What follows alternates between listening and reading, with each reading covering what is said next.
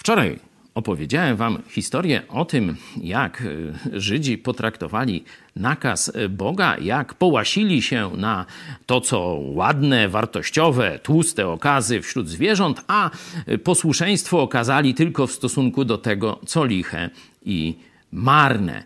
Teraz następuje rozmowa proroka z królem, gdzie król zaczyna się tłumaczyć i mówi: Bałem się ludu, dlatego usłuchałem głosu swojego ludu, żeby oszczędzić to, co wartościowe, nie marnować tego. Zobaczcie, Judasz dokładnie miał taką samą postawę, jak czytamy w Ewangeliach. Czyli on tłumaczy się z nieposłuszeństwa tym, że bał się swojego ludu którym przecież miał z, z, mandatu Boga rządzić. No, kpina.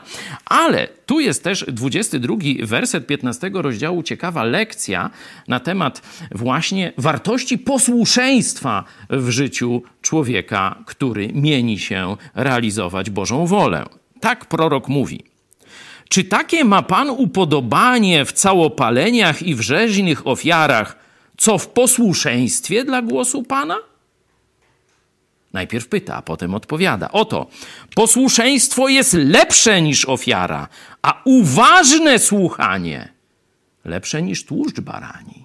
Czyli musisz uważnie skupić się nad tym, co Bóg do ciebie mówi, bo nieposłuszeństwo jest takim samym grzechem jak czary, a krnąbrność jak bałwochwalstwo i oddawanie czci obrazom.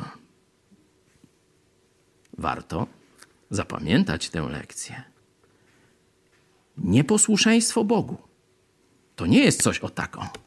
To jest taki sam grzech jak czary czy bałwochwalstwo lub kult obrazów.